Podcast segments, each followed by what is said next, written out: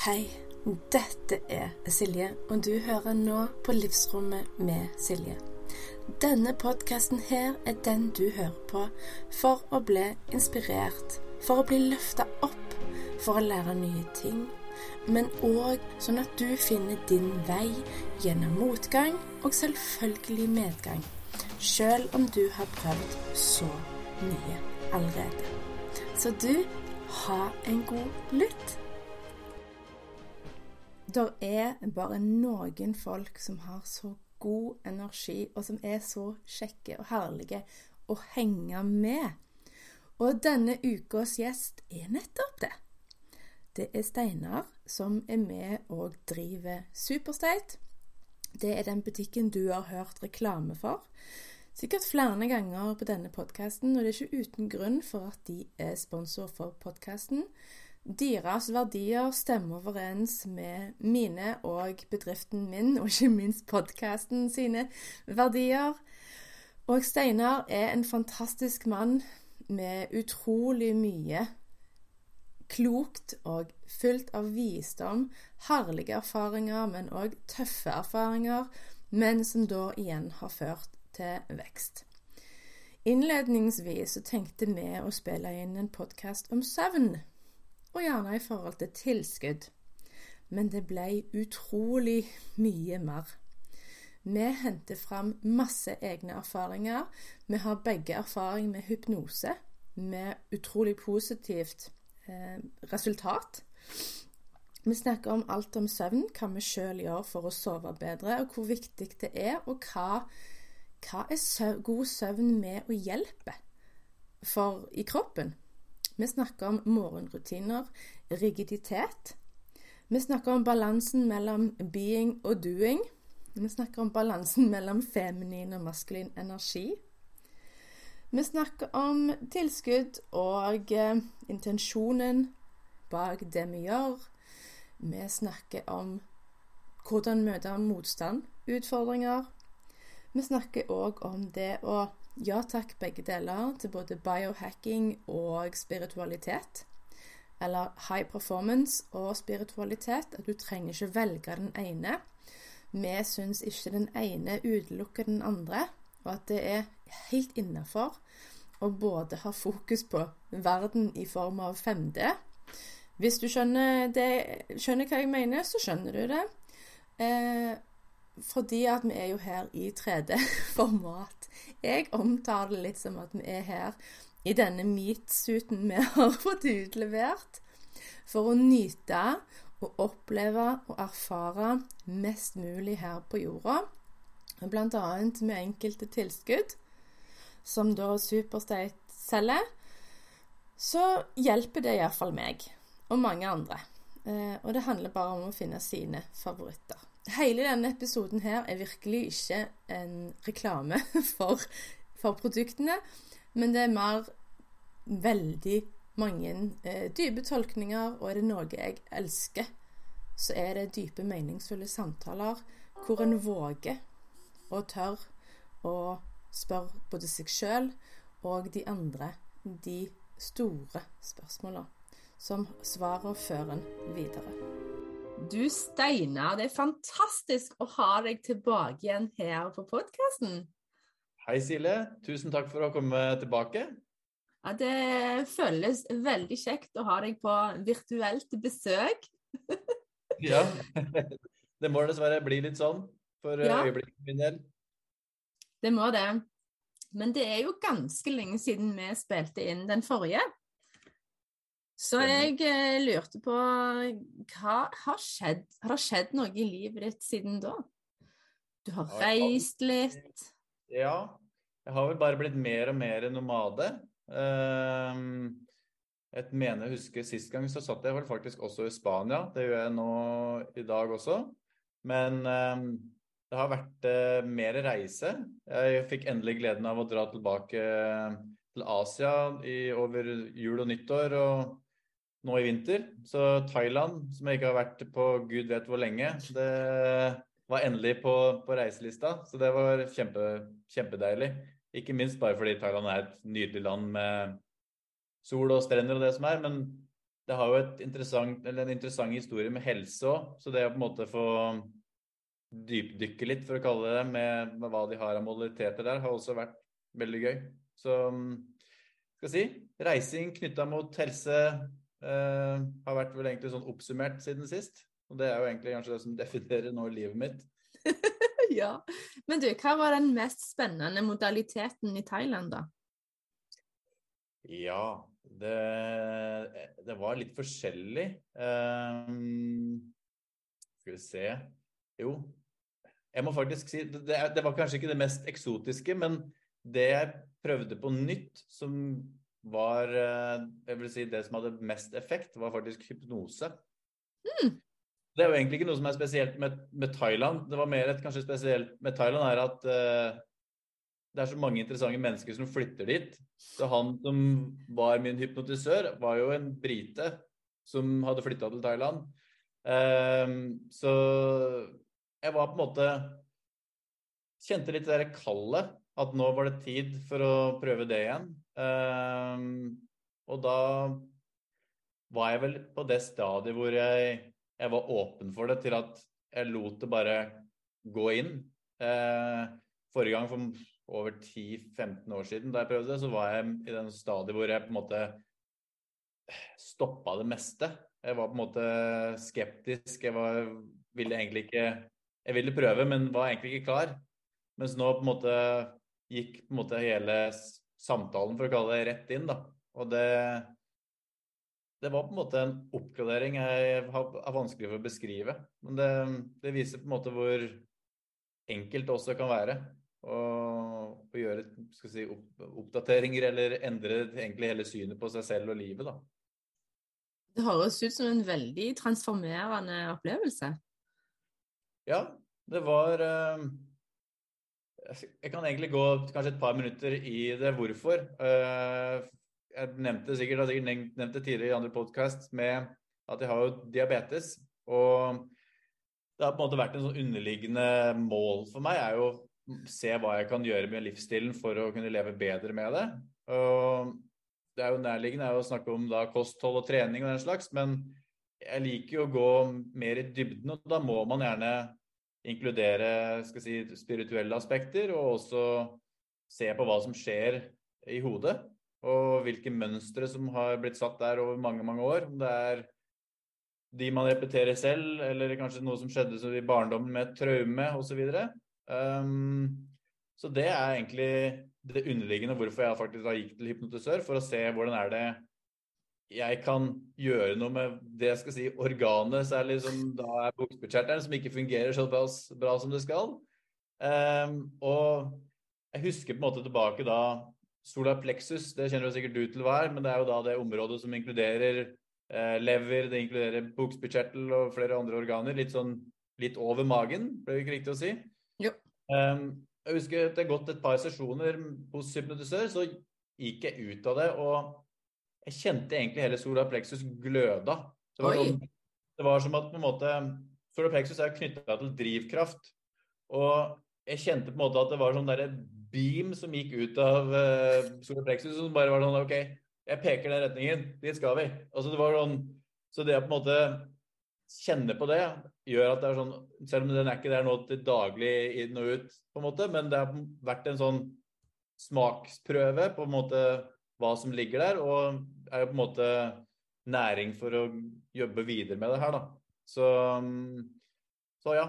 Eh, absolutt. Om noe, om noe, av det her fenger, så er det hypnose faktisk noe som jeg kan stå inne for fungerer. Det er um, veldig interessant. Veldig kult.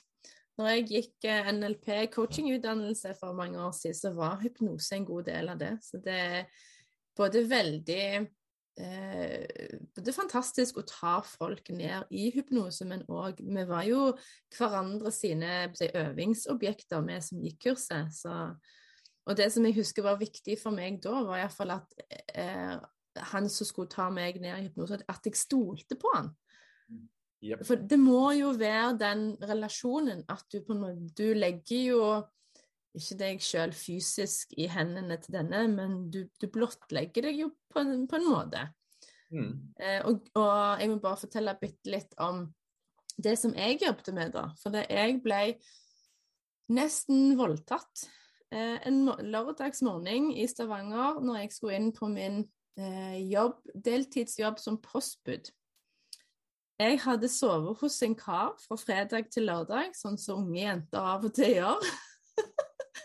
og så hadde jeg tatt taxi inn til byen, og jeg skulle begynne på jobb klokka syv. Og så hadde jeg ikke nok kontanter, og jeg hadde heller ikke nok på kortet til denne taxituren. Så det endte opp med at han mente jeg skulle betale i natura naturalia. Og på en måte snudde seg mot Jeg satt foran, og det gjør jeg jo da ikke etterpå i taxier alene. Men eh, Og liksom prøvde å holde meg igjen, og så klarte jeg å komme meg ut av bilen. For jeg tenkte at det er en kollega som har kommet tidligere og kan eventuelt låne meg penger. Men jeg gikk jo aldri ut igjen da. Mm. Og den hendelsen satt så djupt spor hos meg at når jeg jobber etterpå, møtte motstand, så flykta jeg. Mm. Det var veldig lett for meg å si opp. Hasta altså, Adios, jeg stikker. Dette her, ikke for meg. Istedenfor å se på kritikken, se på hva det trigger i meg, og på en måte ta det som eh, vekstmateriell. Men istedenfor så bare stakk jeg, for det var sånn jeg på en måte følte eller mønsteret lå gravert i meg da, etter den nesten-voldtekten. Eh, og det var mørkt da, det var jo november, det var Vinden ulte, bladene seila, det var kald vind, det var, jeg tror det var litt regn. Gatelyset eh, kom ned fra sånn Ja, gatelys. Og det var veldig sånn eh, skummel stemning, da. Så han som da øvde på meg, han fikk oppgave i å spore tilbake til når starta en følelse. Det var det oppgaven var. Så da førte han meg ned, og jeg var i de rette hjernebølgene, hvor alt var tilgang i det store biblioteket. Og så kommer det fram at den følelsen vi jobber med, stammer fra da. Mm. Og da forteller jo jeg hvordan det så ut, hvordan jeg følte meg, omtrent hva klær jeg hadde på meg. Og så er jo et av triksene i hvert fall som jeg lærte, du legger på musikk. Du skrur opp lyset. Du, oh, altså du justerer det ble en humorfilm, altså attributtene. Og da var det jo ikke Du, endrer jo ikke noe med minnet. Det har jo fremdeles skjedd. Mm. Men du justerer sånn at den belastningen i systemet og i selvfølgelig hjernen og ubevisstheten blir mye mindre. Så bare det å bli bevisst det Mhm. Er det noe som holder meg tilbake? Det er det for de fleste. og så er det jo å våge å se på akkurat det bare Ja, men hvordan kan jeg jobbe med det? Og hypnose er jo da tydeligvis en av de modalitetene. Ikke sant? Mm. Det er jo, du er inne på ett aspekt der. Da. Jeg vet ikke hvor du, når du kom til det, men det er bevisstheten. På en måte Å plukke opp når triggeren skjer. Hvor, er det noe som du føler har vært alltid da naturlig, eller har du på en måte jobba deg til det punktet hvor bare «Nei, Filler'n, nå skjønner jeg at det er noe som skurrer. Det er vel det siste heller, tror jeg. Jeg har ikke alltid vært så bevisst og så klar. Det er en, en prosess. Og jeg tilbrakte dessverre veldig mange år i en sånn offermentalitet. Mhm. Det tror jeg vi var innom forrige episode Ja, jeg kjenner meg igjen der òg. Eh, og jeg husker at av tidligere kjærester og sånt, jeg hadde lett for å bli avhengig av de. Mm. Eh, men nå er det heller det at eh, selvfølgelig trenger jeg min mann. Men jeg trenger ikke han for å gjøre meg heil. Jeg er heil. Han er tillegget som beriker og gjør glitteret i livet og i hverdagen. Mhm. Så det er jo livserfaring, men òg at jeg har gått inn i triggerne, gått inn i det som har føltes ugreit, og sett på det med en åpenhet og en, en ærlighet, men òg aksept. Bare OK, sånn er det vært til nå, men det trenger ikke å være sånn resten av livet. Ikke sant. Så ja. Men, eh, men jeg er nysgjerrig, jeg vil bare si en sånn fordi Jeg kjenner meg i reisen du sa. Men hvordan er det du, hvis du husker tilbake til da du gikk gjennom den treningen, det å på en måte gå tilbake f.eks. til det punktet hvor det skjedde, det, det minnet Mm. Når jeg, skal, når jeg tenker tilbake til da jeg var hypnotisør, så ble det en sånn Du er jo For de som kanskje ikke har prøvd hypnose før, da, eller den type behandling, så Før jeg på en måte hadde prøvd, så jo, trodde man jo eventuelt Du har sett kanskje på John, Paul McKenna, ikke sant? Du ser jo hva, hva hypnotisører kan gjøre. Men det blir jo Ikke sant? Men i hvert fall når jeg har gjort det, så har det jo da vært i full bevissthet. Så du er på en måte En del av meg kan jo stille, fortsatt bare stille spørsmål. Er liksom sånn OK, hvis jeg får spørsmål nå, da. Vi skal gå tilbake og finne det tidspunktet det her skjedde. Så er det jo en bevissthet av meg, meg som jeg husker da har vært sånn Men er det faktisk det? Er det det? Altså jeg blir litt sånn Jeg er fortsatt der. Men det å Hvis du er på en sånn kald knivsekk, så er det heldigvis kommet dit hvor jeg lar det tippe over til OK, det er da. Mm. Mens jeg vil bare si for de som kanskje skal prøve, at den, man på en måte må tillate seg den, den tippet over, og ikke bare Nei, det er nok ikke den. Og så begynner, begynner man å analysere og bruke venstre hjerneandel istedenfor å bare la det være. Mm. Det er den prosessen der jeg begynner å Bare sånn for å Mm. hjelpe andre. For den, der har jeg kjempa på venstre halvdel før. Og så Mm. Det gagner jo ingen. Nei, det som jeg har lært med intuisjonen og ubevisstheten og sånt, både gjennom diverse kurs, men òg det er jo det, det første som kommer opp, er som oftest det riktige. For kroppen og intuisjonen og ubevisstheten er så vis. Den analyserer ikke, den bare plukker opp fra Mhm. biblioteket. Og så er det da den analytiske delen av hjernen som er sånn Ja, men er du sikker? Men det er det første. Så ja. Yes. Men, men Steinar, hvordan starta du dagen i dag? Akkurat i dag var den litt spesiell fordi jeg var på sykehuset og tok blodprøver. så Ja. eh, den skiller seg litt annerledes ut fra hver dag, men det går eh, stort sett opp eh, i det å mm, ja, komme seg opp av senga. Eh, så har jeg noen tilskudd som jeg tar på tom mage. Eh, så da tar jeg de, og så blir det gjerne å få kaffemaskina i gang. Og deretter eh, så går det Da har jeg vel stort sett en sånn derre times tid hvor jeg driver og gjør litt sånn type arbeid mens jeg koser meg med kaffen. Og så gjør jeg meg klar for eh, trening. Og når den er gjort, så er det egentlig første måltid. Og deretter så er det på en måte en skal si, arbeidsdagen fortsetter. Mm. Det er sånn veldig enkelt skal si, oppsummert. Jeg har noen sånne ting som eh, Det kan jeg faktisk vise bare kjapt. Jeg har, jeg har jo lagd en ting for meg selv som kanskje kommer ut. Men Jeg har faktisk lagd min egen journal. Oi! Så det er litt sånne type ting når vi snakker om, om hjernen og hodet. Det er å ha noen sånne rutiner som, som spiller, eller gjør deg godt. Ehm, så altså De fleste har jo kanskje noe, har noe å krangle med en kaffekopp, eller altså De tingene her gjør nesten alle, ikke sant? Mens det å sette av tid til å ja, til seg selv på morgenen, det har jeg lett for å skyve til side, men med at jeg har en sånn journal, så er den der. Så jeg må på en måte Jeg må gjennom det før jeg går videre. Så den har blitt en sånn derre Ja, kan vi kalle det nesten trening? Og bare Hodet vil egentlig i den retningen der, og så nei, du skal innom det her. Du skal innom Altså, det er takknemlighet, det er eh, affirmasjoner, type ting, så man på en måte har fått satt opp det sporet, da. Før eh, man virkelig trykker på startknappen for dagen.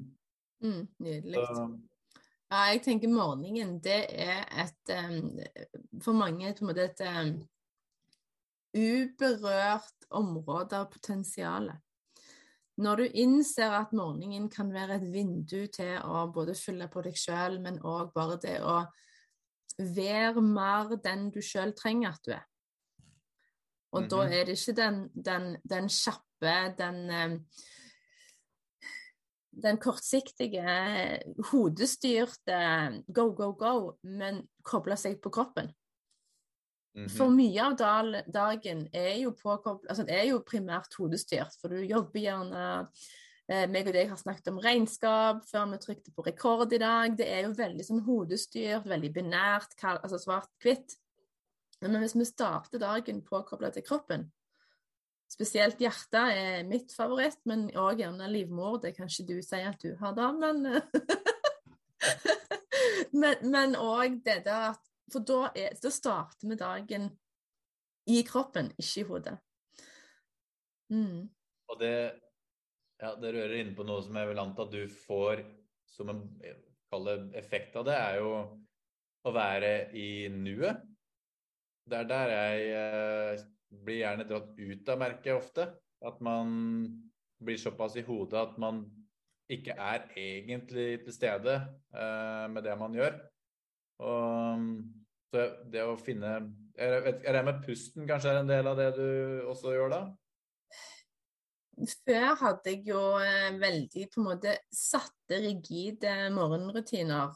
Eh, og noen Altså, jeg tenker faser med rigiditet kan ha en hensikt, men ikke type for resten av livet.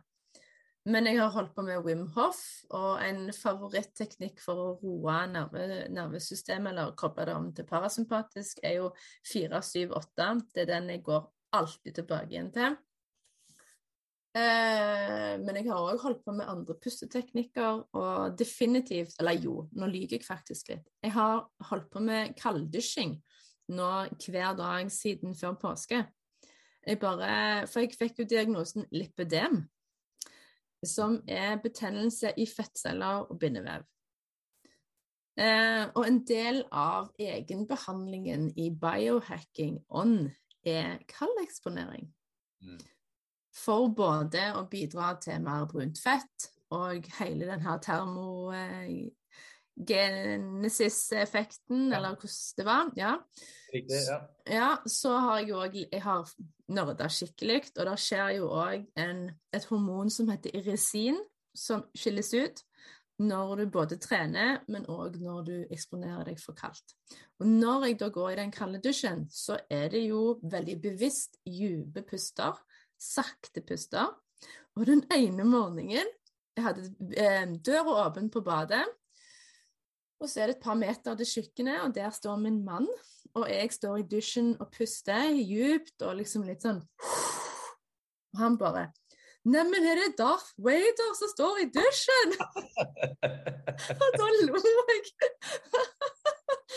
For det, jeg ser at han sammenligner det. For det, det, det. Har du sett Star Wars, så vet du hva Ja.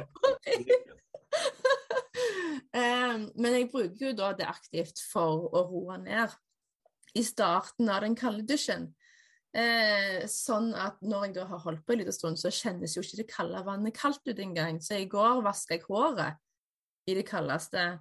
To vasker, og var der sikkert seks minutter. Og på slutten så var det jo ikke kaldt engang.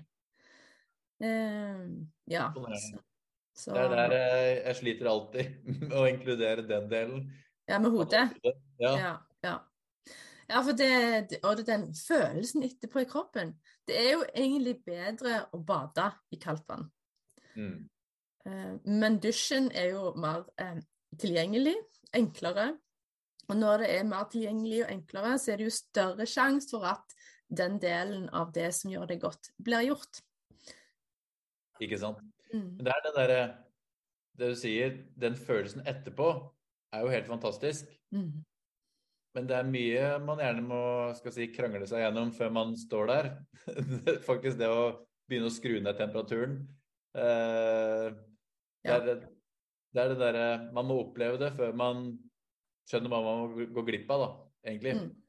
Ja, når jeg starta med kalddusjing for eh, hva det var, 2018-2019, så starta jeg med lunka vann. Mm. Og så tok jeg en runde, og så snudde jeg meg rundt så ryggen og alle sidene ble eksponert. Så skrudde jeg litt ned, ny runde, litt mer ned, ny runde.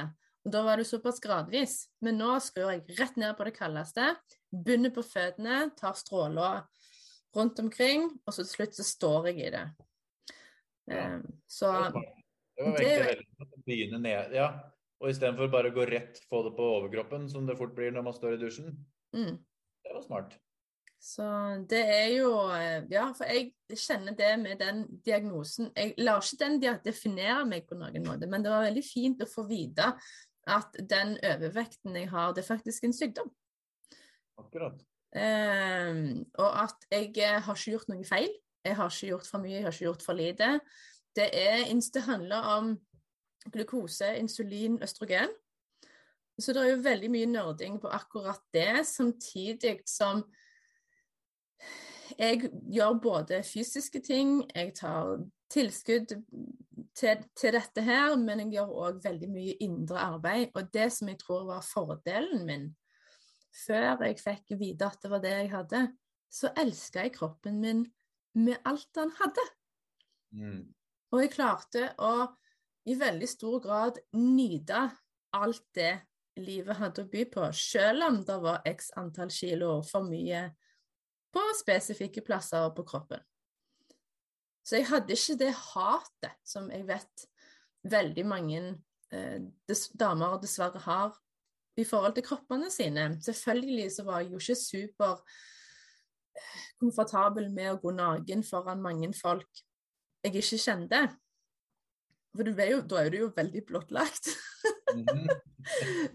Hvilken setning er det du er Type svømmehall, eh. Ja, med masse folk. Eh, ja, sånn som det. Eller sosial, altså på en badestrand. Man er jo ikke helt naken der, da, men, eh, men ja. Så eh, jeg føler at utgangspunktet mitt var veldig bra. Og så er det jo veldig fint å få vite hva kort har jeg egentlig fått utdelt i denne runden av livets poker. Mm -hmm. Og ja. Da kommer jo eh, nerde Silje fram. Og sånn som jeg fiksa leddgikt, så gikk jeg jo òg inn i materie, forskningsobjekt, forstå prosessene. Hvorfor har jeg eh, mye lavere insulinsensitivitet? Hvorfor overtolker kroppen min insulinet, sånn at jeg på en måte legger på meg raskere, sliter Ja, så det er så mange ting som spiller inn. Eh, og han eh, fysioterapeuten som jeg eh, har fått, og eh, som har diagnostisert meg, han sa hvis du får til dette, Silje, som du snakker om, så blir du den første. Mm. Mm. Jeg har tenkt å knekke koden. Men det er sånn som motiverer meg. Hvordan eh, Jeg skal si hva Du nevner jo kalddusj, men hva er det du har på en måte sett til nå er, eller bør være i verktøykassa? Eh, Forlenge nattfaste. Altså mm. periodisk faste. Nå holder jeg på med er ikke, Jeg er ikke rigid på noen minutt, men ca. 16-8. Mm. Eh, jeg ligger og dabler i ketose og ikke ketose. Det er ikke et mål helt ennå, for jeg føler det har vært så mye effekt til nå utenom. Mm. Eh, og så har jeg eh, tilegna meg kunnskap fra flere eh, dyktige folk med rekkefølge på hva jeg spiser. Mhm. for å minske blodsukkerpåvirkningen. Sånn så at med middager så starter jeg med en grønn salat først, for tarmen. For eh, både fiber, peristaltikken i tarmen, men òg næringsopptak. At kroppen ikke tar opp så mye av, av eh, glukosen som kunne. Og hvis jeg da skal ha Ja. ja. Eh, og hvis man da skal ha eh, frukt eller eh, bær eller søtt, så det er helt på slutten av måltidet, når du har fulgt opp med fiber og grønt, godt fett, gode proteiner, og så eventuelt karbohydrater til slutt. Mm. Eh, og så har jeg ikke søtsug lenger. Eh, så jeg krever ikke sånne lette løsninger keto, snop og liksom sånt. Skikkelig mat, skikkelig altså ordentlige råvarer, det er nok, på en måte. Mm. Så Måler du blodsukker, ketose, på noen, på noen måte du ser litt hvordan du, kroppen reagerer når du gjør de tingene her? Jeg kunne ha gjort det, og jeg kommer nok til å gjøre det når jeg kommer hjem fra ferie. For jeg har sånt eh, ketonmeter og glukose, sånn strips og stikk i fingeren og sånn. Ja. Eh, men egentlig eneste det jeg har gjort til nå, er å måle meg med målebånd på ulike plasser på kroppen. Eh, Mhm. fra jeg starta i påsken til nå, og til nå nærmer jeg meg 50 cm i minus. Oi. Mm. Så, så du har på en måte allerede der fått pekepinn at du gjør ting riktig? ja klærne blir jo selvfølgelig løsere. Det er jo ikke 50 cm på én plass, det er jo sammenlagt. Ja. Eh, så, men det, og så vet jeg jo òg når skal jeg stoppe å måle i forhold til syklus, for jeg vet hva som skjer med kroppen. Eh, så det er egentlig et veldig gøy forskningsprosjekt, hvor jeg er den, den ene prøvekaninen. Kan man si Fordi jeg fikk et spørsmål her på kundeservice. Det, det går jo igjen en gang iblant. Det er jo det her med vektnedgang. Og nå nærmer vi oss sommeren, så det blir sikkert egentlig flere henvendelser rundt det her. Eh, vi har jo tilskudd som kan hjelpe på metabolismen, da. Men det er absolutt ikke noe jeg vil stå inne for å si at dette er en sånn quick fix. Eh, det kan på en måte støtte, men det er jo ikke en, eh, en løsning i seg selv.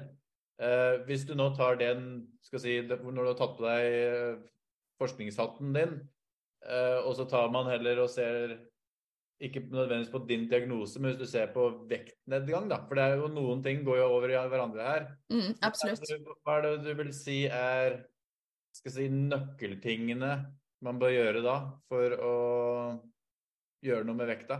Å, det var bra spørsmål. Eh, Jeg tenker det aller første er å finne ut hvorfor vil du ned i vekt. Hva Mm. vil du få igjen i livet på den andre sida når du har gått Ikke når du er ferdig, for det er spørsmål om definisjon, men la oss si gått ned to klesstørrelser eller ti kilo eller whatever, sånn som du måler.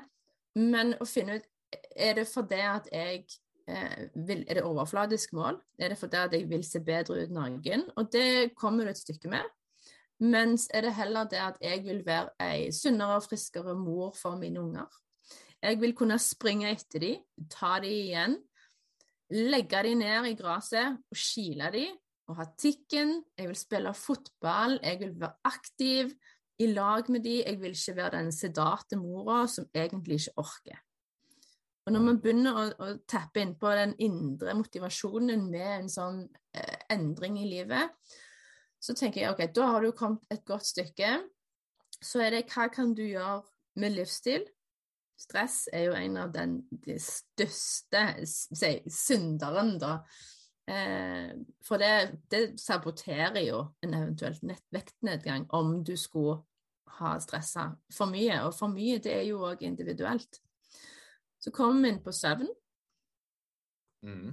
Og så er det jo definitivt eh, insulin og blodsukker. Den er kjempeviktig å bli kjent med hvordan din kropp fungerer. For hvis eh, insulinet er som en dørvakt Den bestemmer om, om den skal putte glukosen inn i eh, leveren, i musklene eller eh, i fettet. Mm. For insulinet vil i hvert fall ikke ha det fritt i blodet. For, sant? Det her Mhm. kan jo du òg veldig godt. Ja.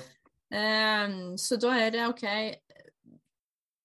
Insulin er jo da den eh, dørvakten, og hvis den på en måte du legger til rette for at insulinet putter glukosen inn i musklene som glykogen, så har du jo gjort mye bra Mm. Kontra de andre forslagene, da. Alternativene. Insulin blir vel egentlig kalt for fettlagringshormon, faktisk, sånn forenklet. Mm. Mm. Og det er jo Ja, definitivt. er at man har, hvis man har for mye insulin, så er jo egentlig da Da går jo vekta opp. Eh, så Og min, min utfordring som type 1-diabetiker er jo at jeg har for lite insulin. Så Mm. jeg må da fylle på Um. Istedenfor. Mm. Men eh, jeg bare, når du snakka om det å følge med, når du, vi snakka litt om blodsukkermåling, eh, og du sa stress, det er jo der jeg kjenner meg veldig igjen med Og det blir interessant når du kommer tilbake fra ferie, når du begynner å følge med på blodsukkeret og ser det i sammenheng med stress. Fordi de to tingene der er kan tilsynelatende virke som de ikke har noe med hverandre å gjøre i det hele tatt. Du på en måte tar en prikk i fingeren og får et tall opp, men hvor Og det er nært å tenke at det er bare gjerne kosthold. Hva man, man har spist, men det er så utrolig hvor mye det, det stresset styrer. Uh, at uh, Ja, jeg er spent på hva, hvordan du ser når du begynner å uh, se de to sammen. Ja, jeg, jeg, tar utfordringen. Jeg skal gjøre den når jeg kommer hjem fra ferie. Og det blir interessant, for jeg har jo holdt på og målt HRV og kroppsbatteri på Garmin-klokka mm -hmm. siden januar en gang. Og jeg har jo blitt kjent med at jeg stresser jo med veldig mange Altså, jeg stresser med ting jeg ikke trodde jeg stresset over. Eh, og det har jo vært liksom sånn Aha, hm, jøss. Yes. Og det ene av de store overraskelsene var jo nettopp det å være mor. Ah. Ja. Det er når ungene er sure, ikke vil stå opp, de krangler. Eh, Slåss har òg hendt, sjøl med tre jenter. Eh, nekte å bli med på det vi egentlig er enige om. Altså alle sånne ting som inngår i det å ha unger. Det stresset meg mer enn jeg trodde. Mm. Så det vil òg sannsynligvis vise igjen på blodsukkeret. Eh, hvis vi skal um, skal si definere stresset som en følelse? Hvilken følelse er det du har? det er så lett spørsmål. Det er frustrert. Okay. okay Åh, jeg føler at jeg, da freser jeg. Innvendig så freser det. Men du jeg, jeg liksom, Det her er egentlig et område jeg er litt fascinert av, det med følelser. Fordi det er jo tilknytta ikke bare stress, men mange andre ting. Men jeg, jeg ser på en måte at graden av følelse har ulik eh, si, virkning på kroppen. Mm. Så jeg, når det er frustrasjon, det er ja, Jeg har vel kjenner litt på den, men det er nok ikke den jeg har som det mest eh, si, besøkte følelsen når det kommer til stress. Hvilken er, det, da? Um, den som uh, jeg vil si ligger som en sånn mer uh, underliggende som over mange, mange år, så er det nok eh, Hva skal vi kalle det for noe? Det har litt med den sola plexusen som var inne på. Eh, hva blir det Jeg, jeg tenker så fort på engelsk, men altså eh, Confidence. Altså den, den troen på Selvtillit. Selvtillit. Troen på at uh, skal si, Det er mange ting som går innunder det, da, men det er alt fra når man på en måte står overfor et stort problem. Det har på en måte tidligere Du snakka om din erfaring når du var yngre med, med voldtekten. Uh, jeg har noe som gjør at uh, står overfor en utfordring, så blir på en måte Det har også vært lett å bare Nei, nei, det går ikke. Altså man bare ja, man ja, ja. seg selv mm. ned og bare kapitulerer, da, istedenfor mm. bare å Nei, det her, det her skal det her skal vi få til.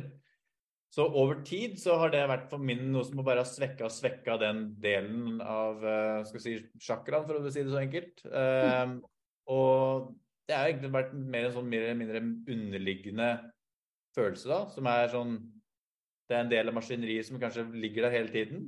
Og så må man heller fokusere på å Jeg bruker ordet spinne seg opp. Uh, få aktivitet på Skal si en ting er aktivitet i den chakraen, men egentlig tenke annerledes, da.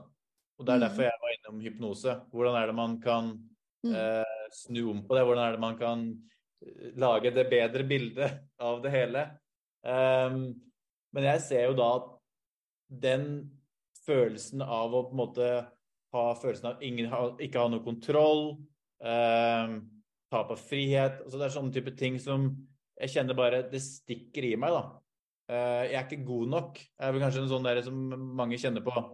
Mm. Uh, og hvis man på en måte I hvert fall hvis jeg går tilbake Vi snakka begge om å ha kjent på offerrolle. Hvis jeg går tilbake en del år, så var det på en måte den drivende, det drivende tankesettet.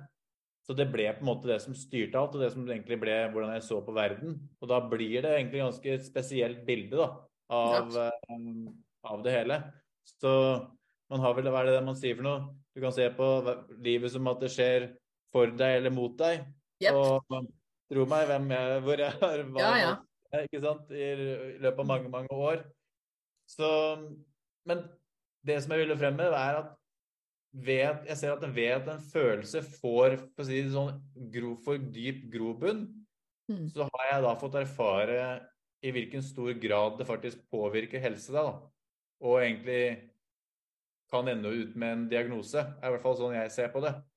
Så, men jeg er usikker på om jeg bare sånn spør, jeg setter spørsmålstegn. Hvis i stedet for den følelsen jeg hadde kjent på frustrasjon mesteparten av livet hvordan hadde det, Jeg lurer sånn, ble nysgjerrig hvordan det du tror det hadde slått ut i helsesammenheng? Hvor skadelig er det vi kan si kanskje frustrasjon er versus eh, ja, andre følelser? Altså, jeg tenker vi er jo veldig forskjellige lagt. Vi har eh, Jeg vet ikke om du kjenner til human design?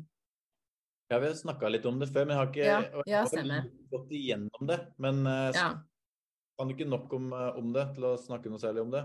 Eh, og før jeg ble kjent med Human Design, så var jeg jo veldig frustrert òg, og da følte jeg at eh, det tok fort over i, i, livet. Og så ble jeg kjent med Human Design første gang i 2017.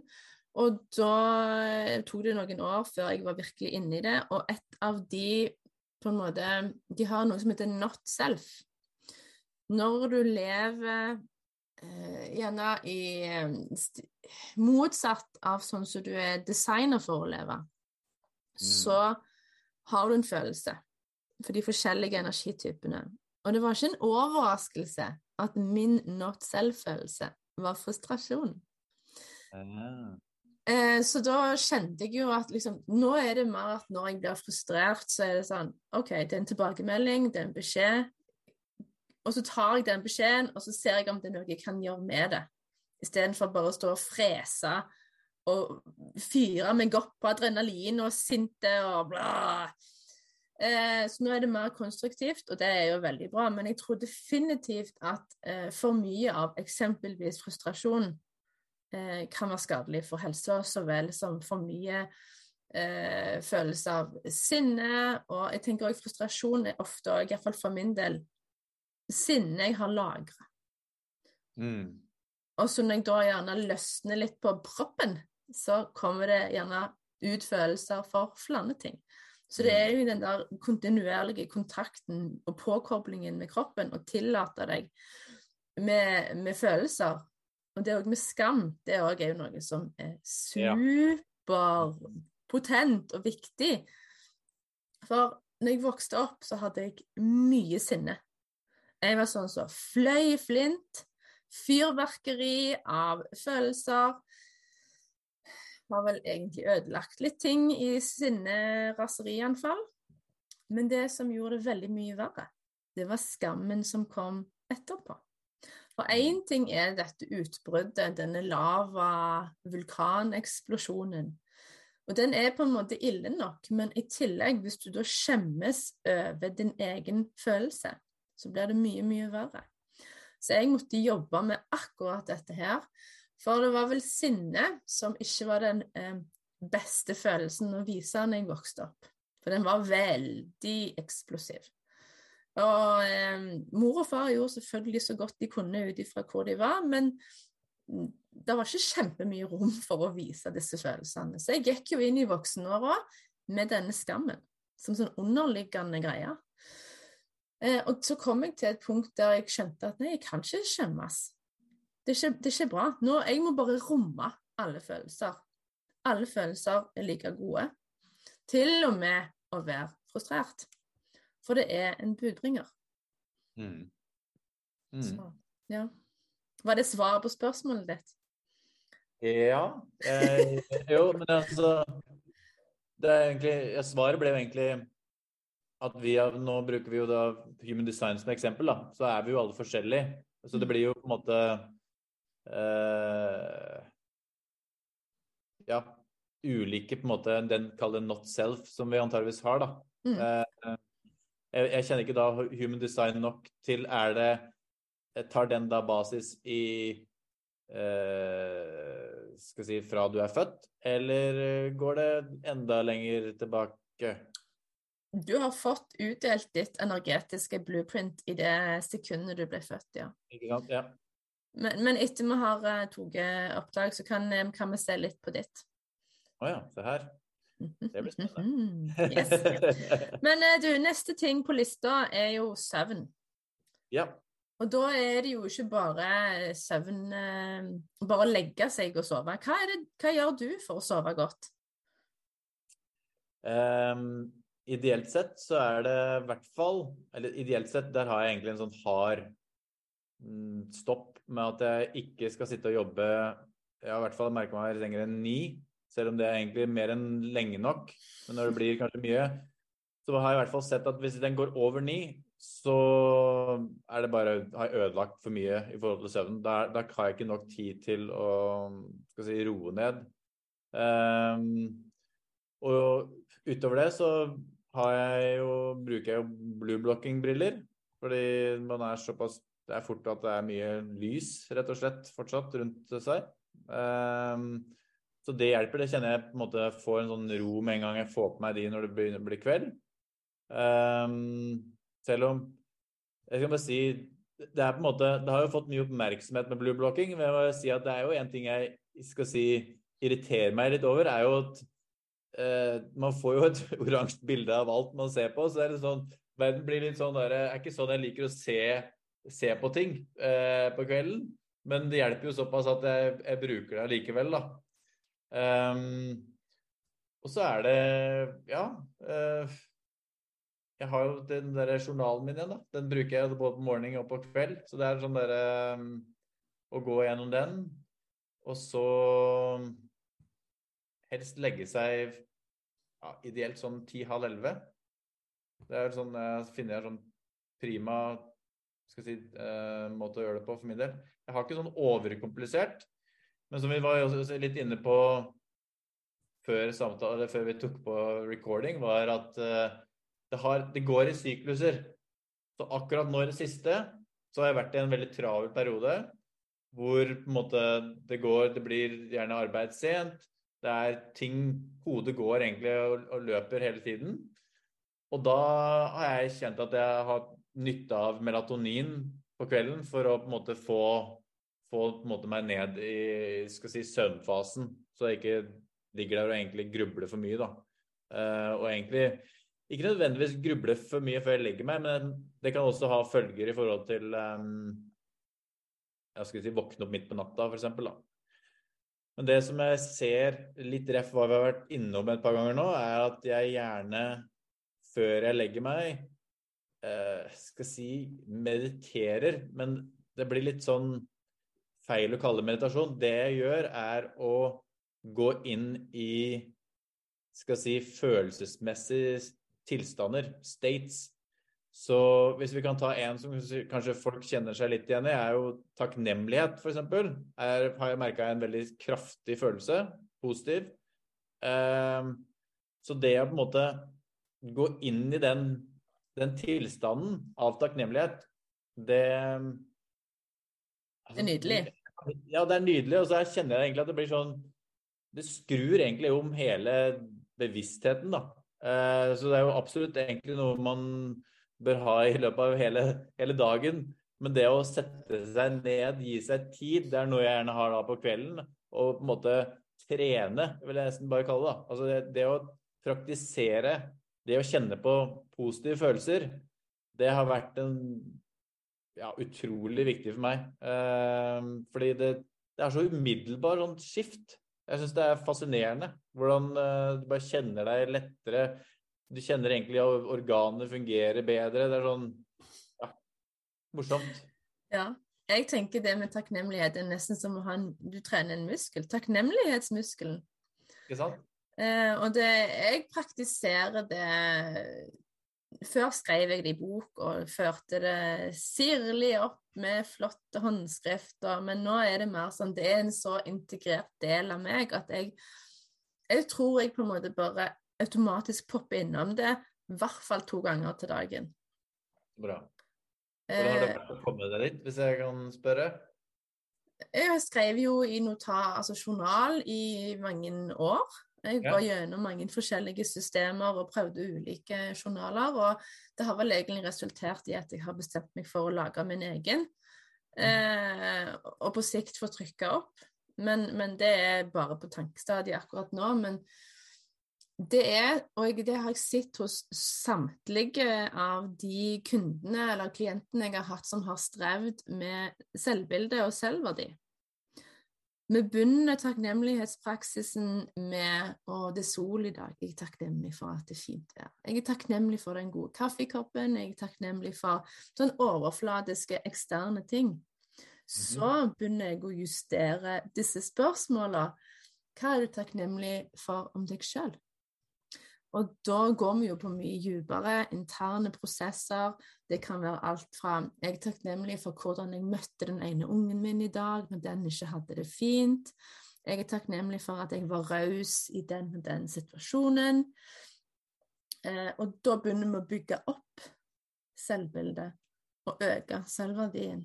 For at mm. du har deg sjøl som den eneste konstanten fra den dagen du er født til den dagen du dør. Og hvis du går hele veien, hele eller store deler av livet og tar deg sjøl for gitt, for du har gjerne fokus på alt annet i livet ditt, Mhm. da pleier du jo deg ikke deg sjøl. Så bare det der å slutte å ta deg sjøl for gitt, og ta, ta dine styrker for gitt. Og takknemlighet er jo en av de tingene som virkelig ordner opp i det. Um, å være takknemlig Jeg er takknemlig for at jeg fikk leddgikt i 2017.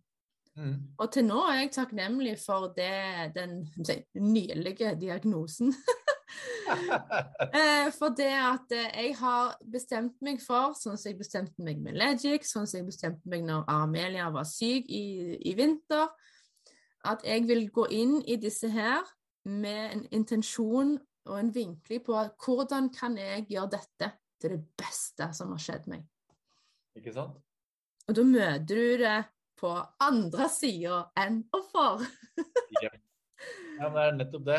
Og det er så Det blir natt og dag hvordan du ser på hver eneste ting i livet, da. Eh, selv om det akkurat er, Kan vi røre bort på det? Når du fikk diagnosen, hoppa du rett i takknemlighet? Eller lot du det få tenke litt på noen banneord og et par andre ting? Eller eh, Ingen banneord. Eh, det var mer en sånn Jøss. yes, det stemte, ja. For jeg hadde jo egentlig mine eh, for, for, Ikke forhåpninger, men eh, ikke forventninger heller, men jeg hadde mine tanker om at det, det måtte være noe. For sånn som jeg behandla kroppen min, med alt, på en måte Det er akkurat som kroppen ikke hang med på alle de gode tiltakene. Så det å på en måte få svar, det var sånn Ja, det stemmer. Men jeg måtte Jeg kjente jeg ville fordøye det bare meg først. Jeg ville kjenne på det, bli kjent med det, akseptere det og på en måte romme det. Og så begynte jeg å dele, og så gikk det en god måned før jeg sa, skrev det på Instagram. For jeg kjente at i starten så er dette mitt. Jeg Mm. vil finne ut hvordan jeg skal navigere dette. Mm. Ja, det, det er jo viktig. Ellers så Ja, ja. Absolutt. Nei, det, det, er, det er nettopp den, den delen jeg tenker litt sånn For andre er det Når man står i det, hva enn det er, da, Mm. så er vel bare en sånn invitasjon vi kanskje begge sier, da, at man, man har to måter å se det på. Og det krever praksis. Jeg eh, Min kone er sånn Skal si jeg, Fra da jeg møtte henne, så har egentlig hun vært en sånn det beste eksempelet på det å leve i takknemlighet. Og jeg, mens jeg da har levd ved siden av henne, så er det sånn her Hvordan er det du egentlig får til det her? Det er jo ikke Det, er ikke, det kjennes ikke fysisk mulig, da, å på en måte å være så smilende til livet. Eh, men på en måte når jeg begynner å praktisere det selv, så ser jeg at det er jo mulig. Men det er den kanskje en sånn frustrasjon jeg selv kjenner på at hvorfor er ikke det her det naturlige? Hvorfor må jeg nå praktisere det her som egentlig er det som bør være naturlig i meg, og ja, bare hvordan man skal egentlig gå gjennom livet, da. Så det er vel nesten mer det eh, enn noe annet. Men det er sånn For det skulle egentlig vært den bryteren bare om ping, og så var alt bare i den skal si, bevisstheten. Men eh, som de fleste ting så krever det skal si, trening, praksis. Og bevissthet. Ja. Mm, absolutt. Ja. Eh, tilbake igjen til Seven. ja, men det var i hvert fall Det var vel egentlig den, den der jeg avslutta, da. Men det er vel der jeg ser Hvis jeg skal nevne en ting som jeg har som er sånn der, det gjør meg ekstra godt Hvis vi snakker om en rutine, så er det faktisk det mm. å, å, praktisere følelse, for å kalle det. Mm. Mm. Eh, for god søvn er jo viktig for veldig mange ting. Og det jeg har skrevet på lista, tenkte jeg skulle lese det, og så tilfører du det som du har fritt etter hukommelsen etterpå. Mm. Det er veldig godt eh, med søvn for sult- og metthetsregulering, altså hormonene leptin og grelin. For eh, generelle hormoner eh, ellers i kroppen òg, alle hormoner egentlig, immunforsvar, at det faktisk fungerer. Det er veldig viktig for kognitivt, hukommelse, innlæring. Eh, hva vil du tilføye? Hva er søvn viktig for? Du nevnte jo eh, hormoner, da, men det jeg ser for min egen del, i hvert fall med diabetes, er at eh, dårlig søvn, da kan, er blodsukkeret bare krøll. Ja. Uh, det er bankers. Um, så er det jo den derre underliggende Min Jeg kaller det egentlig uh, søvn for meg er akilleshæl. Mm. Jeg, jeg, har få ting som får meg skal si, ut på en måte ja, syk, rett og slett. Men hvis søvn mangler, så bare rakler hele greia. Da, så det er den store pilaren i, for min del som jeg har Altså, jeg gir meg selv tiden til å sove nå. Før, nice. når jeg begynte i den derre i skal si, biohacking og skulle optimalisere og alt det greiene her, så var det sånn jeg må, Da var det sånn opp klokka halv fem og liksom bare kjøre på og alle de greiene der. Og så følte jeg liksom at ah, fy faen, nå, nå, er jeg flink fordi nå gjør jeg alle de tingene. Men jeg kjente meg jo egentlig drit. Altså det var ikke Jeg hadde ikke noe mer energi. Jeg hadde ikke noe skal si, Alle de tingene man egentlig skal, skal si, biohacke for å gjøre de var jo ikke der. Jeg bare fulgte en sånn mal som skulle en måte være riktig, da. Um, så den delen har jeg bare kasta på hylla, og gir meg heller tiden til Altså, jeg skal sove åtte timer. Det er på en måte der jeg ser jeg bør ligge. Legger jeg meg for sent og fortsatt åtte timer, så funker heller ikke noe bra. Altså, Tolv til åtte, det er dårlig greie. Går vi enda lenger sånn Jeg trenger ikke engang Hvis du er i sosial setting, og jeg trenger ikke engang drikke mye, men hvis jeg blir for sent oppe, så kjenner jeg meg fyllesyk nå uansett. Så det er jo, jeg ser, det er jo søvnen som er egentlig den avgjørende faktoren, og ikke nødvendigvis alkoholen da, som gjør at jeg føler meg dårlig. Så det å legge seg tidligere da, komme opp tidligere, men få åtte timers søvn, det, det, er, det er, sånn non-negotiable, for å si det sånn. Det, det, må jeg ha. Og så er det egentlig bare å Hvis det er førende, så er det sånn OK, hva gjør jeg for å optimalisere det, da? Da har vi vært litt innom ting mm. hvor jeg i tider kan bruke melatonin, men ideelt sett ikke. Og da er det ting som spise tidligere nok på dagen, så det ikke blir sånn tett opp til måltid og søvn. Uh, er det én ting jeg har merka meg. Um, og så er det sånn praktisere den skal jeg si, meditasjonen. Uh, jeg vil si det. Og en ting faktisk som uh, Nå som jeg er i Spania, som jeg har fått merke, er hvor viktig det er å ha det kaldt. Jeg ser nå at nå begynner det å bli varmt her, og den leiligheten jeg er i, der er det faktisk ikke aircondition. Så jeg har hatt ganske varmt soverom, og ikke bra. Så det er på en ja. måte det, det å ha det bekmørkt og kaldt, det er to ting som er veldig viktig for at søvnen skal være optimal. Mm, ja, jeg er enig. Jeg har eh, mørkleggingsgardin på soverommet. Den var non-negotiable når vi flytta inn i dette huset for eh, noen år siden, eller en del år siden. Eh, jeg brukte òg sånn oransje briller. Så knakk de, så kjøpte jeg meg briller som fjerner nesten like mye, men det har hvitt glass. Eh, mm. men det fjerner det blå. Eh, det blir en anelse gult når du på en måte ser i, men det er ikke sånn at du ser oransje ut. Du blir ikke bono, liksom. Eh, og så Nå holder jeg jo på med periodisk faste. Og da slutter jeg jo Da har jeg siste måltid egentlig før klokka seks. Ja. Så da får jo fordøyelsen jobbet seg ferdig, og vel så det, før jeg nærmer meg seng. Og hvis jeg legger meg tidlig og sover så mye jeg kan før klokka tolv, og sover nok, så våkner jeg uthvilt, som oftest iallfall. Eh, og det å våkne helt uthvilt med en hjerne eh, og en kropp som bare føles som million dollar eller on top of the world altså det, er bare, det er den beste følelsen. Og jeg kan sammenligne det med at det føles som om hele jorda ligger for mine føtter. Der har vi søvnen sin. Ja, det er, og den, det er jo det er noe jeg unner alle. Å våkne sånn og bare føle at det er ingen begrensninger. Det er bare muligheter. Ikke sant?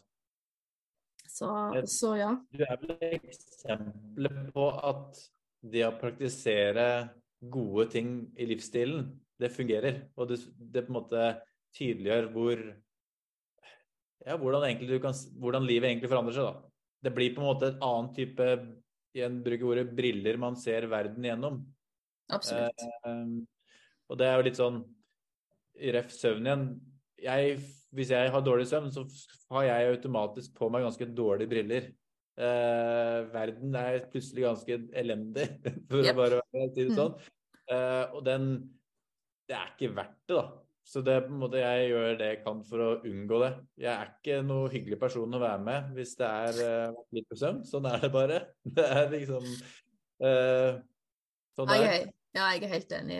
Og det òg du nevnte med alkohol.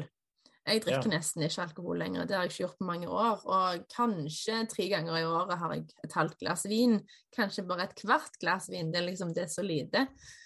Eh, så jeg syns jo det å våkne hver søndag, eller hver lørdag for den saks skyld, uten noen form for eh, hangover å være kvikke og raske og påskrudde og nyte og få ut av dagen det du ønsker å få ut av dagen, det er jo for meg Altså, det å på en måte gi opp alkohol Jeg føler jo ikke jeg har gitt opp noe, jeg har heller fått noe som egentlig er en gave.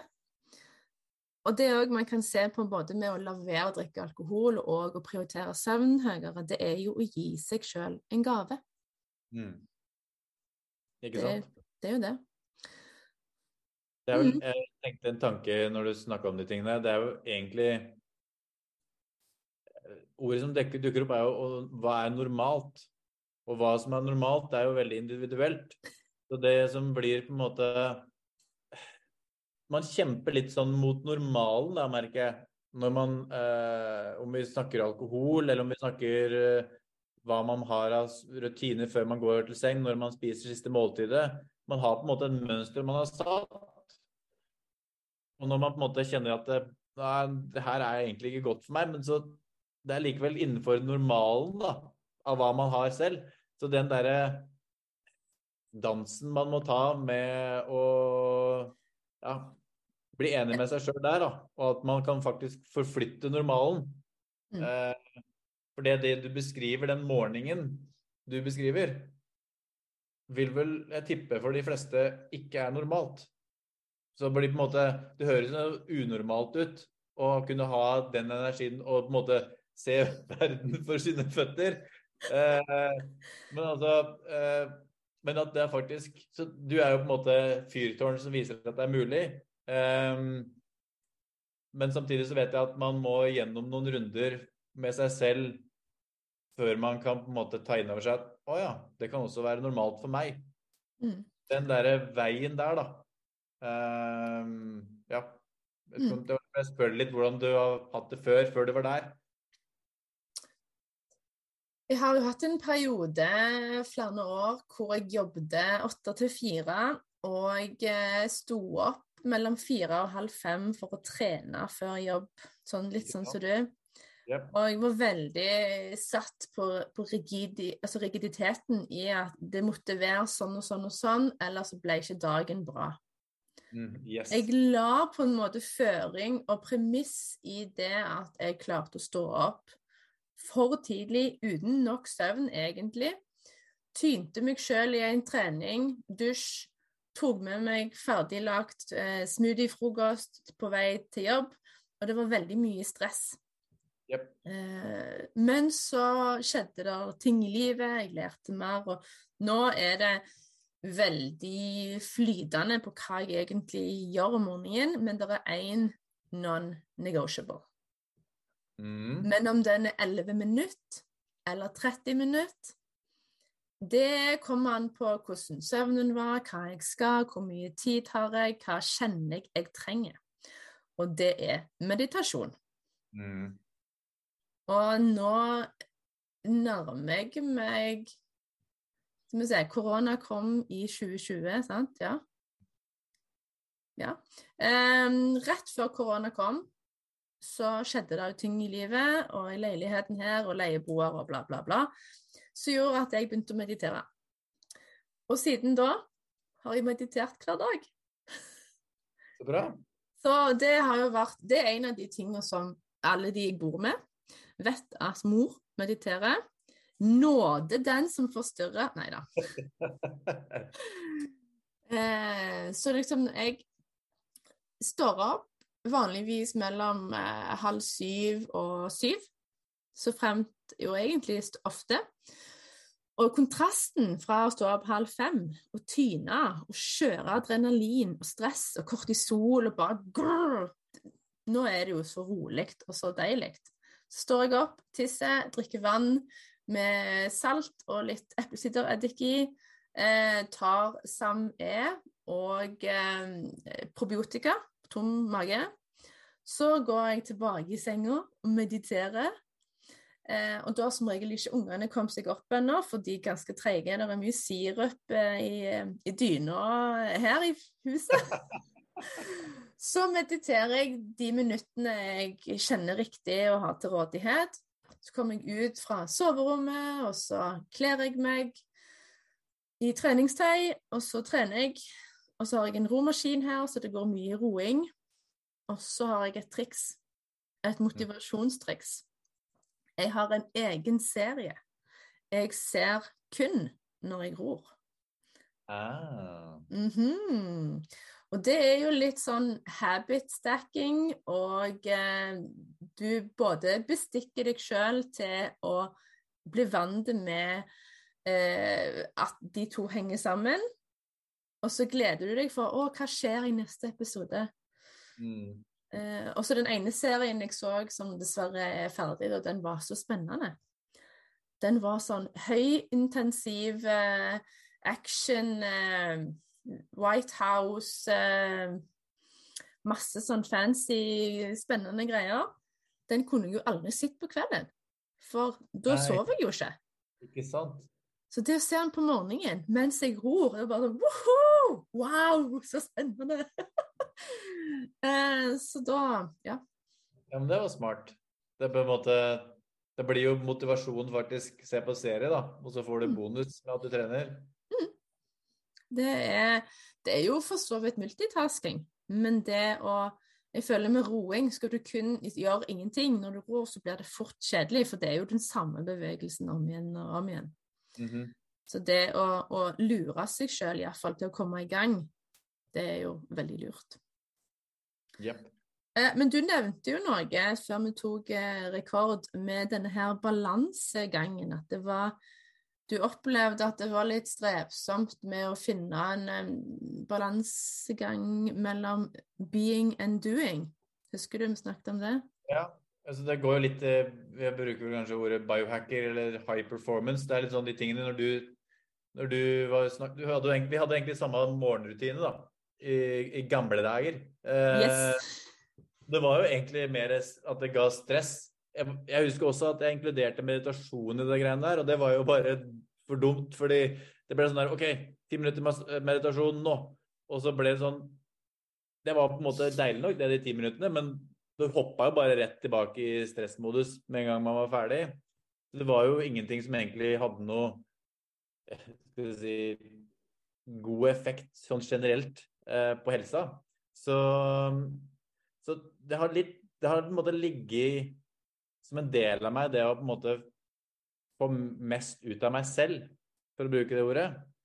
Eh, og det har fått et annet aspekt ved seg etter hvert som jeg har gått min egen vei med skal vi si, Hvem er meg, da? Da kan vi gå en runde inn for det kalle spirituelle. Men du har også den sterke kontrasten av det, er den maskinen som jeg ser for meg at jeg kan være. Og jeg kan egentlig være det. Det er ikke noe problem. Og det er den jeg, jeg kjenner sånn i Hvis du ser for deg biohacking, high performance-sfæren, så der jeg driver og møter meg selv i døra gang på gang, er den derre Jeg skal ha verden for mine føtter, og jeg skal fader meg bare bygge noe fantastisk og alt jeg har lyst til å gjøre. Og det er liksom uendelig med ting som jeg har lyst til å gjøre. Det fordrer jo å sette seg ned og doing, da, som du sier. Og den får ofte da for stor, altså Den får en stor del av livet, da. Eh, og så mister jeg meg selv i det. Og så kjenner jeg egentlig at jeg kan doing en god en liten stund, men så kjenner du at det, er, det skurrer. Men så kjenner jeg at det skurrer, men så bare Nei, det her skal vi bare vi kjøre på over den skurringa og bygge videre. Til slutt at det bare, i hvert fall siden min diagnose og at jeg måler blodsukkeret daglig, det, da begynner på en måte signalene å bli for sterke. da. At man på en måte OK, Eh, da må vi tilbake, ikke til tegnebrettet nødvendigvis, man må bare tilbake til den verktøykassa vi har vært innom, og plukke ut de andre tingene som gjør at man havner i, i mm. balanse igjen. Men der jeg igjen står overfor, er hvordan kan jeg være en high performer, men i meg selv? Altså i, skal si, en høyere bevissthet, skal vi kalle det. Mm. Så, ikke sant? Det er der mm. Fordi når man virkelig går ned i doing, så blir man jo nesten sånn Det er så materialistisk, kan si sånn, den verden man ser, da. Uh, at Ja, det er jo ikke en hyggelig verden. Det er ikke Det blir på en måte Det har sånn derre mørkhet over seg. Selv om det er gøy å få unna to do-listene, så er ikke, er ikke dagen nødvendigvis noe bedre Altså, det, er ikke, det, er ikke, det, er ikke, min optimale dag. Jeg har fått gjort de tingene jeg skal, som er viktige i forhold til Altså mm. bygge stein for stein, ikke sant? Men eh, jeg har jo egentlig sett, og jeg er nesten litt redd i verste fall hvordan, altså, hva er det det faktisk har av følger for helse. da, når du på en måte En ting er at du bygger sten for sten i forhold til doing og det du ønsker å skape, men jeg ser at det er en annen effekt å bygge stein for stein negativt, sånn sett, i forhold til helse og hvilken påkjenning du gir kroppen. Selv om du i der og da, når du er i det, så er det liksom bare komme seg gjennom det. Men eh, det går på bekostning av noe allikevel, da. Ja, absolutt. Sånn, jeg vet ikke om det her er Om du kjenner deg igjen? Om det er på en måte jo, jeg kjente meg mer igjen før. Jeg har definitivt eh, referansegrunnlag til å uttale meg. jeg tenker for det første så Det å være biohacker eller en high performer, det utelukker ikke å være påkobla det spirituelle. Det er jeg for min del ja takk, begge deler. Men jeg tror man trenger gjerne litt mer segmentering, bevisste rammer, litt sånn grenser. Eh, og det er jo òg sånn forskjellige arbeidsteknikker hvor du kan på en måte få unnagjort en ukes arbeid på to dager, og så har du liksom fri resten da. Så det er jo mange ting der det går an å gjøre, men så tenker jeg òg at hvis man starter dagen med en påkobling til kroppen, og hvis intensjonen bak arbeidet, enten du skal just legge til produkter i Superstate-butikken eller kundeservice, så er intensjonen din at gjerne OK, jeg skal jobbe to timer. Jeg skal levere eh, Jeg skal kose meg i prosessen. Jeg skal levere det eh, jeg, jeg, kan. Og så tar jeg en pause til to timer, går ut og får sollys og jorder meg, bader beveger meg, eh, får flyt i energien, og gjerne gjenopphente kontakten og påkoblingen med både kroppen og den høyere bevisstheten. Eh, for jeg tror ikke altså Selv om man er veldig i high performance GSD, altså get shit done, veldig sånn haka av på to do-lista, så tror jeg at det er ganske ugunstig å fortsette hele lange dager med det. Eh, og så tenker jeg òg for min del, når jeg sitter og er djupt fordypt inn i et eller annet, jeg lager kurs eller noe, så må jo jeg tisse innimellom. Så istedenfor å ta det toalettet som er nærmest, for vi har tre toalett i dette huset, så tar jeg det som er lengst borte, så jeg får beveget meg mest mulig, og så gjerne på vei tilbake. Så går jeg ut en tur, ser på lyset, ser på plantene som vokser i hagen, og på en måte bare lufter vedet, som vi sier her i Stavanger. Og mhm. så går tilbake igjen. Og da har jeg gjerne plukket med meg ny inspirasjon på veien. Yep. Eh, ellers der, du, For det er sånn Jeg bare um, har sett det selv. Eh, med to måter å se det på. Det, er så viktig det du sier nå med å ta den der pausen. Gå ut, se på lyset. Det som en del av meg ville argumentert mot ved det der, er at nei, det tar altfor mye tid. Men det som er sånn morsomt når man gjør det, så er det sånn Ja, det var kanskje fem minutter. Altså det er sånn Det ble så Det er egentlig bare helt dumt hvor kort tid man egentlig trenger for å balansere seg igjen. Man, en del av meg vil si at ah, det, er, ah, det, er, sikkert halvtime å komme deg tilbake til eh, senter nå. Mm. Men det er jo egentlig bare Vi snakker jo Fort kan det ikke være et minutt engang. Men det å bare være bevisst på å gjøre det, og gjøre det og ikke noe annet, mm. det er sånn det er uh, interessant hvordan man kan snakke seg vekk fra det, mens det egentlig ikke gjør noen Altså det tar jo ikke noe tid eller noen ting som man egentlig bruker som argumentasjon da, for å ikke gjøre det. Mm. Og eh, det å bruke naturen Jeg har fått så mange gode ideer og så mange downloads ute i naturen når jeg har beveget meg og energien var i, i flyt. og så kommer jeg hjem og full av drivkraft og inspirasjon, og jeg vet akkurat hva jeg skal gjøre, istedenfor å fomle og nikknekke og skjolde rundt. Så vet jeg akkurat hva jeg skal gjøre. Jeg går og setter meg med PC-en. Jeg har en intensjon om at ja, det skal jeg bringe fram. Skrive, skape, og så er det kjempebra. Yep. Istedenfor å prøve å på en måte tvinge fram inspirasjon å skape ut ifra egen tvang, det, det, det, høres jo virkelig ikke bra ut. Og det er jo ikke bra heller. Nei, og det er kanskje det eh, Spennende å høre si, andre hva andre lyttere tenker. Men det som vi jeg ser litt hvordan vi Jeg, jeg føler vi eh, vi ser litt eh, mann versus dame i naturlig så er jo kvinner er jo mer kobla på. Mens sånn som jeg kjenner den jeg kjenner på Jeg har jo heldigvis gått en vei, så jeg, jeg kjenner nå til mer eh, verden utenom det jeg ser som verden. Um, men den delen av som, De to tingene jeg egentlig kjenner på, som jeg skal si uh, krangler med hverandre, er jo den mannen som skal ha GSD, get shit done. Og så er det den som egentlig har svaret på alt, da. Men som bare hvisker og bare sånn Jeg er her. Men du må, du må, vekk, og du må gå en tur. Eh, og de to, de to, aspektene, da, hvordan de eh, har sin nytte Men i dagens samfunn, i hvert fall i forhold til å snakke om men fra en manns perspektiv, da, så er det GSD som er styrende. Det er det som er konkret. Det er det som en måte, man ender opp med et konkret eksempel på at 'dette gjorde jeg', og så da er vi fornøyd, og så gjør vi sånn, og så er alt vel. Mens mm. den, det ser jo igjen og igjen, er jo på en måte hvor mange shortcuts jeg kan gjøre hvis jeg går den turen og bare lar på en måte jeg være i det og bare bruke ordet 'download', som du sier, da. Jeg hadde en tilsvarende bare for noen dager siden. Jeg gikk tur med hunden og hadde ikke med meg telefon. La alt bare ligge. Og så ramla det bare en sånn slogan ned i hodet mitt. Sånn, jeg hadde ikke kommet til den hadde jeg drevet der og skulle sitte og bare OK, slogan time.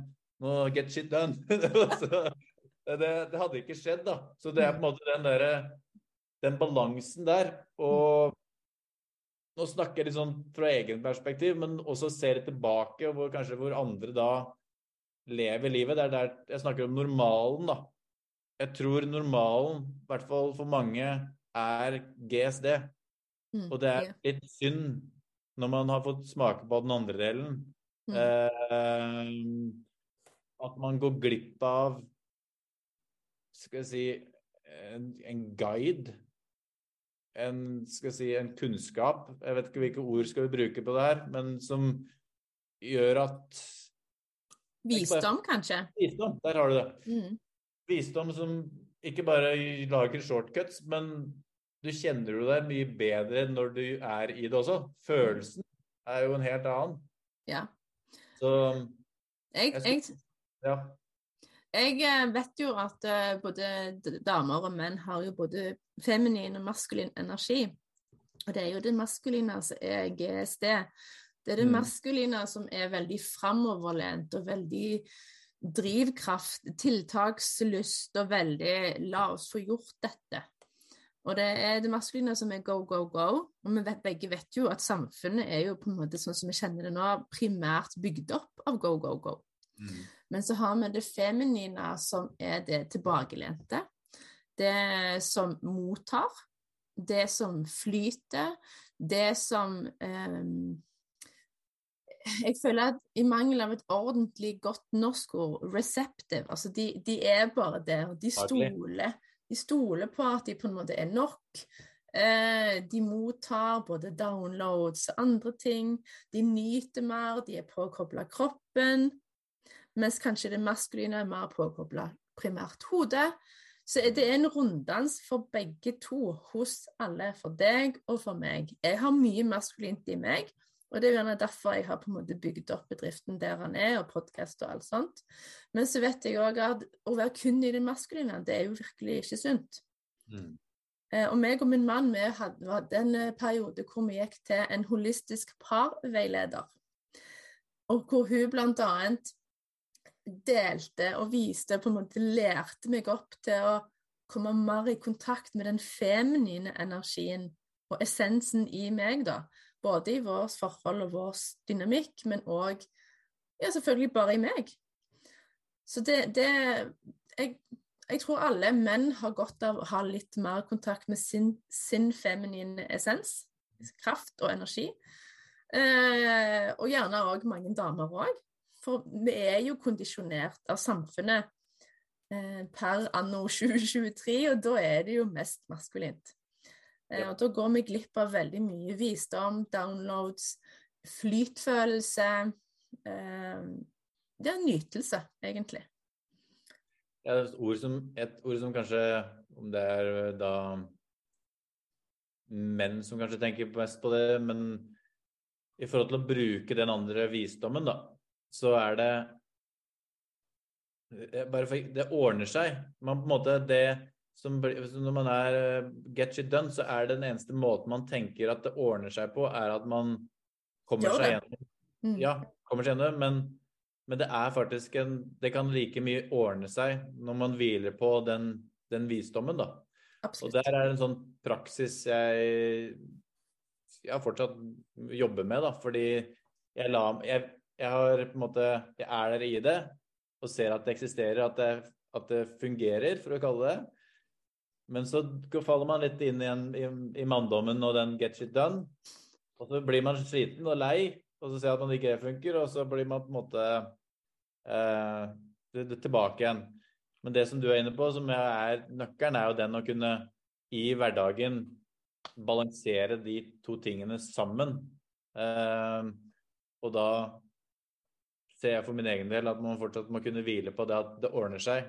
Om, du går, legg, om man legger fra seg den gjørelista noen minutter og, og bruker tid på visdommen, hvis vi skal bare bruke det ordet. Mm. Ja, jeg er helt enig. Det er definitivt en eh, balansegang. Ikke sant? Og, og det handler jo definitivt òg altså Alt du putter inn i livet, er jo prioritering. Så hvor er prioriteringen din? Og jeg vil jo da påpeke fra mitt ståsted som eh, coach og mentor for damer nå i over tre år, at hvor høyt oppe er du sjøl på prioriteringslista di? Mhm. Og eh, dess høyere du er oppe, dess bedre er ofte helsa di. Ja, Har iallfall jeg sett virkelig i praksis at de to de er så linka at det nesten er skremmende. Og at eh, helse, spesielt når du har unger og jobb og sånt, det er ferskvare. Du, kan ikke ta skippertak og forvente at det på en måte ordner alt. Mm -hmm. Det er fokus eh, hver dag. ja.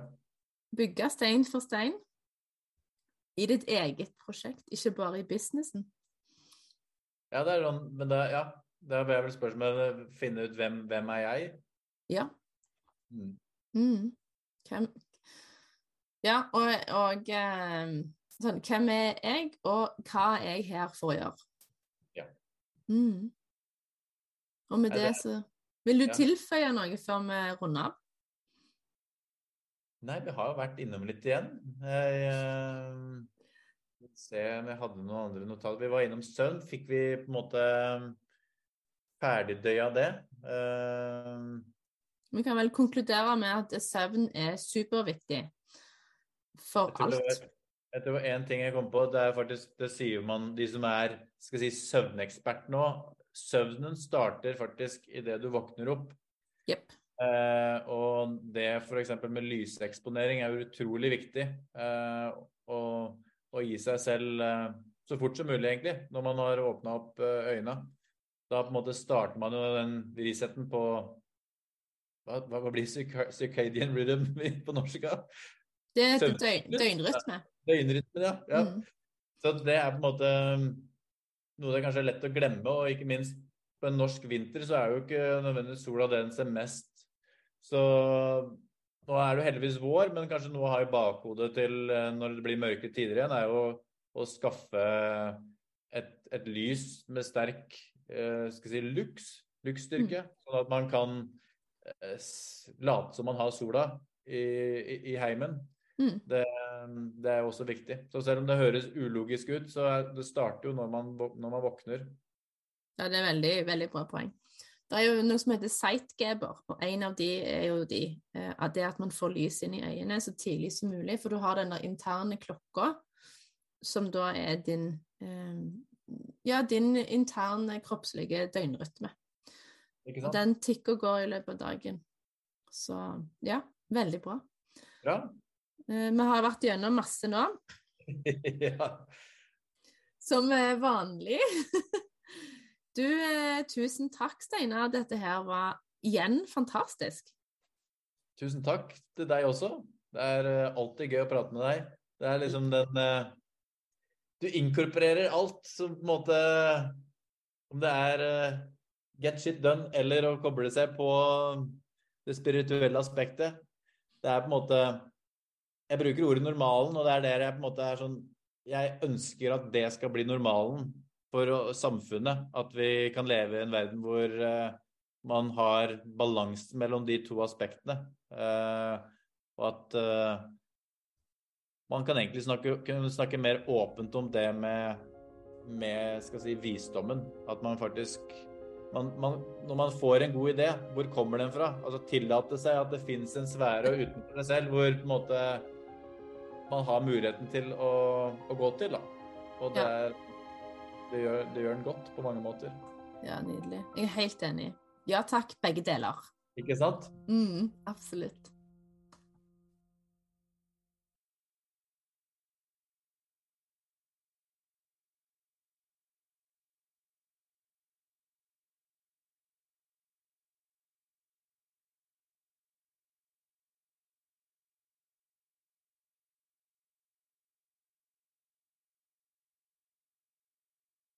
Jeg håper og tror at du likte denne episoden her, selv om den var lang, like godt som meg og Steinar likte å hygge oss når vi spilte den inn. For det, vi har mye til felles, meg og Steinar. Og eh, det håper jeg, alt det vi har delt i denne episoden her, at du drar nytte av det. Du iallfall tar med deg det som resonnerer, det som du kjenner at å, enten det var hypnose eller et eller annet for søvn eller spiritualitet eller hva enn det måtte være. Har du spørsmål til meg eller Steinar, så legger jeg med Instagram-handlene våre. Og så håper jeg at du deler episoden videre, enten med å ta screenshot og tagge meg og legge den i storyen din, eller send linken direkte til vedkommende som du tenker kan ha utrolig stor nytte av å høre denne episoden. Og uansett om du delte den opp i to eller tre, så håper jeg at du hørte den ferdig, og at du hører disse ordene her. Og så vil jeg at du skal vite at uansett hvor du er henne i livet ditt nå, om du føler at livet er litt hardt, så har du jo nå hørt i denne episoden at offermentalitet, det kommer du ikke så langt videre med. Men det, det, det, vil, det vil alltid kunne bli bedre. Der som du er nå, det er nettopp der du er nå. Det sier ingenting om hvor du er i framtida, hvor du er om ett eller fem år. Og vi overvurderer ofte hvor mye vi får gjort på én dag eller ei uke, og så undervurderer vi hvor mye både som kan endre seg, og hvor mye vi kan få gjort på ett år eller tre år. Så husk å ha det langsiktige målet eller drømmen eller visjonen foran deg. Og så handler det om å bryte det ned i de små skrittene, de små byggesteinene, de små stegene, så du går bitte litt, bitte, bitte, bitte, bitte litt nærmere målet ditt, eller drømmen din, visjonen din, det som du har lyst til å manifestere hver dag.